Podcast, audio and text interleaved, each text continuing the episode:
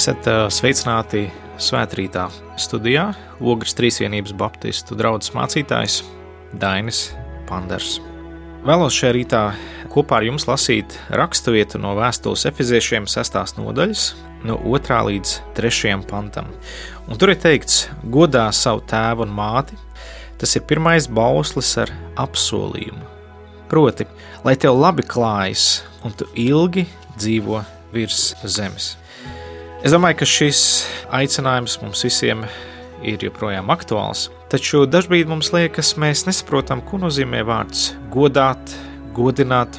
Liekas, ka tas ir pazudis no arī no mūsu vārnīcas, un tas izklausās kā svešs vārds. Bet principā vārds godāt nozīmē augstu cienīt, turēt par vērtīgu, atzīt tā autoritāti arī pār sevi.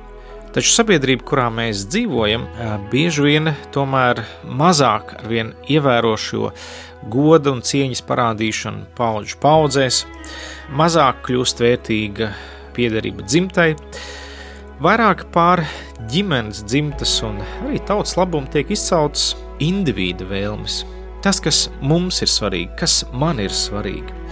Un eh, dažkārt liekas, ka šai godāšanai nav vairs vietas mūsu sabiedrībā, jo svarīgi, ka gods tiek mums. Mēs godājam brīvību, mēs godājam neatkarību, mēs godājam pašpaļāvību. Liekas, ka šīs lietas ir vērtīgas, ja cilvēkam jābūt brīvam, cilvēkam jābūt neatkarīgam. Neviens nedrīkst viņu vadīt un noteikt, kā viņam dzīvot. Un mums liekas, ka laimīgi būsim tad, kad varēsim darīt to, ko mēs gribam.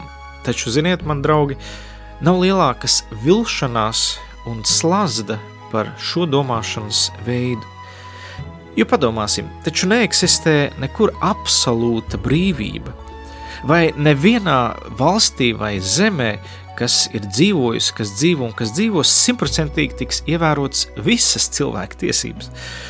Ir jautājums, ja mēs runājam par brīvību, nav iespējams, ka es varu būt brīvs visās lietās. Lai es būtu brīvs kādā sfērā, man ir jāatsakās no brīvības kādā citā sfērā. Nu, piemēram, cilvēks, kurš grib brīvi zakt, drīz tad viņš varēs izbaudīt brīvību cietumā. Respektīvi, mēs nevaram būt brīvi visās lietās. Mums kaut kur būs sevi jāierobežo. Piemēram, lai cilvēks būtu brīvs spēlējot uz klavierēm un improvizējot, viņam ir jāziedo ļoti daudz brīvā laika un jāatsakās no daudzām citām lietām, lai viņš varētu būt brīvs šajā.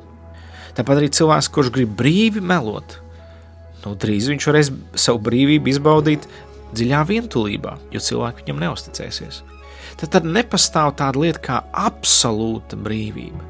Un bieži vien bērniem vai mums, kas nākam no savām dzimtām ģimenēm, mums tā kā liekas, ka tas būtu pilnīgi neatkarīgs no savas dzimtes, pilnīgi neatkarīgs no saviem vecākiem, taču mēs saprotam, ka tas nav iespējams.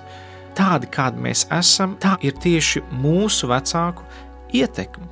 Ne viss, bet noteikti tas ir ģenētiski, noteikti tas ir paradumu, kādi piemēri, ko mēs esam redzējuši, kas mūsos kļūst par daļu no mūsu uzvedības. Tāpat arī nevienā ģimenē vai tautā visu individu tiesības netiks arī ievērotas vienlīdzīgi. Un mēs tā kā bēgot no šīs piederības sajūtas, cenšamies būt neatkarīgi, bet tajā laikā nonākam ilūzijās, kas mūs maldina.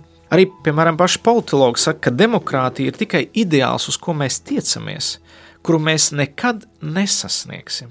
Nu, tāpat arī ģimenē ir tēvs, ir māte, un uh, nu, nekad nebūs tā, ka visas tiesības vai iegribas būs apmierināts. Uh, būs jāatsakās no kaut kā. Un arī, ja viena cilvēka brīvība vai tiesības sāk ierobežot cita cilvēka brīvību vai tiesības, nu kādam nāksies piekāpties, vai arī meklēt apusēju kompromisu. Un būs jāatsakās no savām tiesībām vai vēlmēm otra labā. Un tāpēc šādos brīžos ir ļoti svarīga cieņa. Cienīt otru uzskatus, atšķirību, bet tajā pat laikā meklēt to, kas nesīs lielāku labumu kopumam, sabiedrībai, ģimenei, dzimtai. Godāt savu tēvu māti nozīmē arī redzēt viņus kaut kādā ziņā augstākus par sevi, kuru tiesības un vēlmes jāpatur pāri savām tiesībām, vēlmēm. Un tas izklausās ļoti radikāli mūsdienu sabiedrībai. Taču kāpēc? Vai gadījumā patērētāja kultūra nav kaut kādā veidā izskalojusi mūsu smadzenes ar individuālismu domāšanas veidu? Vai tāpēc, ka mēs vienkārši negodām nekādu hierarhisku struktūru, kas ir virs mums? Kad mums uzdzen šarmuļus, ka kāds mums liek un mums ir tas jādara, nerespektējot manas sajūtas. Un, diemžēl mēs redzam to sabiedrībā, skolās, jo daudz skolotāju mocās, jo viņiem atņemtas tiesības likt bērnam kaut ko darīt. Arvien vairāk skolotāji cieš no emocionālas izdegšanas un, varētu teikt, pat emocionālām traumām. Līdz ar to, vai nav tā, ka mēs, bēgot no kolektīvisma, kas bija padomu laikā, esam pilnībā izmetuši to un kļuvuši tik individuāli, ka esam iekāpuši otrā grāvī? Līdz ar to mēs gribam godāt tikai tos, kas mūs godā, kas mūs mīl, taču to var saukt par egoismu. Bībele vienkārši to sauc par grēcīgo cilvēka dabu, kas grib, lai viņa ir galvenais labā un ļaunā noteicējs mērs, kas, varētu teikt, ir sevi ielicis Dieva vietā. Egoisms nedraudzējas ar godāšanu. Nav iespējams godāt otru cilvēku, ja tu esi egoistisks, ja tu esi ielicis sevi visas dzīves centrā, pa svarīgāko mērauku noliekot savu saprātu, savas sajūtas, savas iegribas. Man patīk, kā par šo egoismu izsakās 20. gadsimta viens no ievērojamākajiem rakstniekiem un domātājiem, proti, Klaivs Staples Lewis. Viņš saka tā: Kristiešiem ir taisnība. Kopš pasaules iesākuma tieši lepnība ir kalpojusi par galveno iemeslu nelaimēm katrā tautā, un katrā ģimenē. Lepnība vienmēr nozīmē naidīgumu. Tā ir naidīgums. Un ne tikai naidīgums cilvēku starpā, bet naidīgums pret Dievu. Sastopoties ar Dievu, jūs satiekat kādu, kas visās jomās ir nesamērojami pārāks par jums. Ja vien jūs nepazīstat tādu Dievu, ar kuru salīdzinājumā jūs neesat nekas, jūs viņu vispār nepazīstat. Viņš saka, Šo, kamēr jūs esat lepns, jūs nevarat iepazīt Dievu. Lepns cilvēks citiem cilvēkiem un lietām skatās no augšas. Jāsaprot, ka tik ilgi, kamēr jūs skatāties uz leju, jūs nevarat ieraudzīt to, kas ir virs jums. Respektīvi, egoisms nav vienkārši domāšana par savām vajadzībām, bet tā ir vēlme vienmēr būt pārākam par citu. Līdz ar to egoisms sacenšas pat esot blakus citam cilvēkam transporta līdzeklī vai braucot ar automašīnu pa ielu. Ieslēdz šis egoisms, ne es tāpat ātrāk, vai es pie zaļās gaismas pirmais eh, izbraukšu no krustojuma, un tā tālāk, un tā tālāk. Te nav runa par mūsu vajadzībām, te runa par mūsu iegribām. Ar to mūsu problēmas sakna, kāpēc mēs negodājam tēvu, negodājam māti, ir egoisms. Tā ir sevis ielikšana dievu vietā, noliekot savu prātu, sajūtas un gribu kā galveno tiesnesi pār visām lietām. Taču padomāsim, vai tiešām mūsu prāts ir tik viszinošs, ka mēs uz to droši varam paļauties. Cik procentus no visām pasaules zināšanām tu zini? Vienu procentu, divus, desmit. Joprojām paliek milzīgs daudzums lietu, ko tu nezini. Vai tavs prāts tiešām ir tik drošs, uz kā var paļauties? Cik procents no visām pasaules zināšanām zina Dievs? Viņš zina visu. Tāpat arī mūsu sajūtas. Ir cilvēki, kas saka, es tā jūtos, tāpēc es tas esmu. Es esmu tas, ko es jūtu.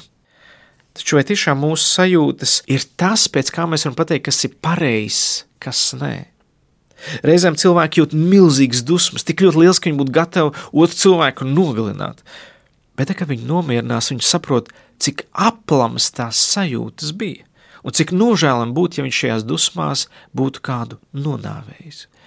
Nē, sajūtas nav kaut kas, uz kā mēs varam balstīties. Sajūtas ir tikai saviņojums, kas nāk un pazūd. Tas nav mēraukla tam, kas ir pareizs, kas nē. Un vai tas, ko mēs gribam, arī ir pareizs? Vai tiešām mūsu iegribas ir tik pareizs, ka visas viņas vajag apmierināt? Pastīsimies, kas notiek šobrīd kara apstākļos Ukrajinā. Kad kareivi var darīt to, ko viņi grib, un viņiem par to nekas nebūs.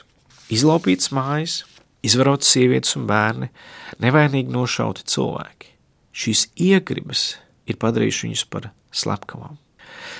Līdz ar to ne mūsu prāts, ne mūsu sajūtas, ne mūsu griba, iegribas nav pietiekams drošs vadītājs mūsu dzīvē. Ir vajadzīgs kaut kas, kas ir pār mums, kas zina vairāk, un tas ir Dievs. Un tāpēc ielikt sevi visas dzīves centrā ir maldinoši. Un, diemžēl arī mūsdienās ne tikai ir problēmas ar egoismu, sevis ielikšanu centrā, bet arī to, ka tas jauc mūsu ģimenes un laulības. Patiesībā ģimenes lielākais postītājs ir egoisms, ka notiek cīņa par varu, kurš vadīs, kurš valdīs, kam piederēs maks un tā tālāk. Tas var būt vecāka egoisms, bet tas var būt arī bērnu egoisms.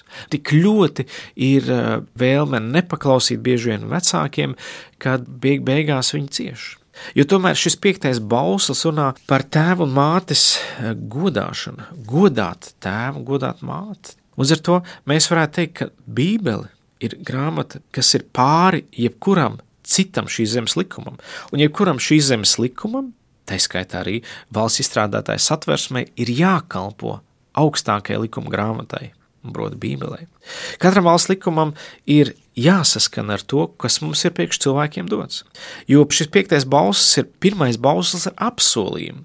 Godā savu tēvu māti, proti, lai tev labi klājas un ilgi dzīvo virs zemes. Tad, tad, ja mēs godāsim savu tēvu un māti, mums labi klāsies un mēs ilgi dzīvosim virs tās zemes, ko Dievs dos. Mēs iemantosim svētību tajā mūsu zemē. Tas nozīmē, ka mūsu dzīves labklājība ir atkarīga no tā, kāda ir mūsu attieksme pret tēvu un māti. To saka Dievvvārds.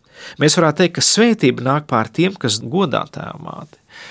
Vai nav tā, ka reizēm mums ir grūti godāt tēvu māti? Kā lai godā to, kas varbūt tev darīs ļaunu? Kā lai godā to, kas varbūt nekad tev nav bijis, nav bijis klāt grūtos brīžos? Kā lai godā to, kurš bija slikts piemērs ģimenei? Tas nav vienkārši jautājums. Tas rada apjukumu. No vienas puses ir šis bauslis, un otrs puses ir realitāte, mūsu ģimenes dzīve. Taču iespējams, ka šīs problēmas mūsu ģimenē sākušās jau pirms mums, ka tur kāds no bērniem negodāja tēvu māti, vai arī ir bijis kāds grēks ienācis dzimtā, vai kāds ir izjaucis dzimtu un to traumējis. Te mēs varam runāt par dzimta sociālo traumu, kur kāds ir izjaucis šo labo ieļoto mehānismu un kaut kur paudzes savā starpā ir pārtrūkušas. Un tas rezultāts dumpīgos bērnos, apjukušos un traumētos pēcnācējos, kuriem piedzimst bērni un viņi tiek traumēti, tāpēc, ka viņu vajadzības nav bijušas apmierinātas. Līdz ar to tas izjauc uh, Dieva svētību šajā dzimtā. Dievvvārds neaicina attaisnot vecāku grēkus, nē, bet viņš aicina tos piedot. Dievs pats vēlas dot to, ko tēvs un māte mums patiesībā nespēja dot. Iesaist 49.15. Vai var māte aizmirst savu zīdaini un neapžēloties par savu miesīgu bērnu? Un ja pat māte to aizmirst, es tevi neaizmirsīšu. Redzi, abu savu roku plaukstās, es tevi esmu iezīmējis, tavu mūri vienmēr ir manā priekšā. Neatkarīgi kādi ir bijuši tavi vecāki. Pat ja ir atstājuši tevi, Dievs apsola nekad neatstāt. Viņš saka, ka viņš ir ierakstījis tevi savās roku plaukstās. Mūsdienās ir cilvēki, kas iemīlas kādā, un viņi tik ļoti mīl, ka viņi ir gatavi to iededzināt vai ietutovēt uz savu ķermeņa par piemiņu. Dievs ieraksta mūs savās rētās. Kas tās ir par rētām? Tas ir Jēzus Kristus rētas, kurš pie krusta viņam tika izdarīts mūsu grēku dēļ un mūsu sāpju dēļ. Viņš manas un tavas sāpes uzkrāva uz sevi, lai ar viņa brūcēm mēs būtu dziedināti. Taču bauslis godā savu tēvu māti, nerunā tikai godāt vienkārši tēvu māti, bet savā ziņā arī godāt vīriešu un sievietes dzimumu. Tad Dievs ir radījis divus dzimumus - vīrieti, kas sevī nes tēvišķo būtību, un sievieti, kas nes sevī mātišķo būtību. Un ja mēs to paturam godā, Un ja mēs vēl to nostiprinām savas valsts satversmē, tad šis baušu apsolījums nāks arī pār mums, latviešiem. Mums labi klāsies, un mēs ilgi dzīvosim tajā zemē, ko Dievs mums dod. Taču, ja mēs izkropļosim, ja mēs ieliksim vērtības, kurās nav apsolījums, ka mums labi klāsies, vai mēs neparakstam sev kādu lāstu, Arī šobrīd notiek iniciatīva par dabisku ģimeni, kur vietnē par ģimeni.lv tiek aicināti cilvēki parakstīties līdz 20. jūlijam, atdot savu balsi, lai nostiprinātu šīs Bībelē redzamās vērtības satversmē. Mēs to varam darīt. Mēs varam atbalstīt šo iniciatīvu, jo ir apsolījums, ka par to nāks svētība.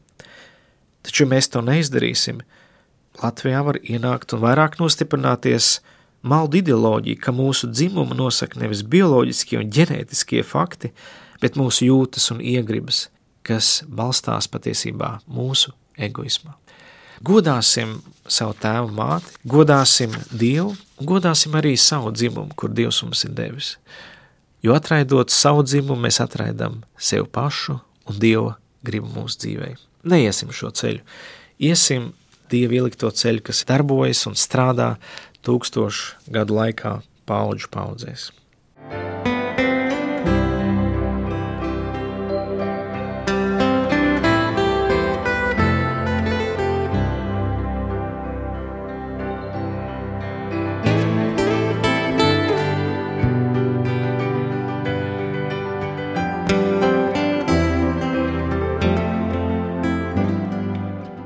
Lūksim Dievu. Paldies Tev, debes Tēvs, par to, ka Tu mūs esi radījis. Paldies, ka caur Jēzu Kristu Tu mums rādi, ka Tu mūs mīli, un Tu gribi mūs glābt no mūsu egoisma un grēka. Pats saņemot šīs sāpes un sodu par grēku pie krusta.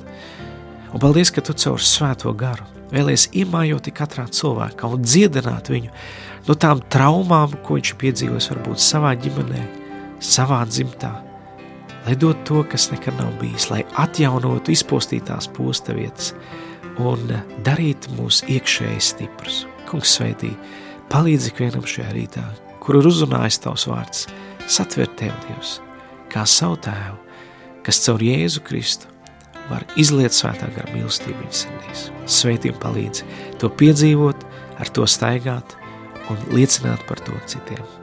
Tēvs, lai tavu žēlstība ir ar mums – lai Dieva Tēva mīlestība, Jēzus Kristus žēlastība un svētā gara sadraudzība ir ar tevi turpmāk. Jēzus vārdā. Āmen!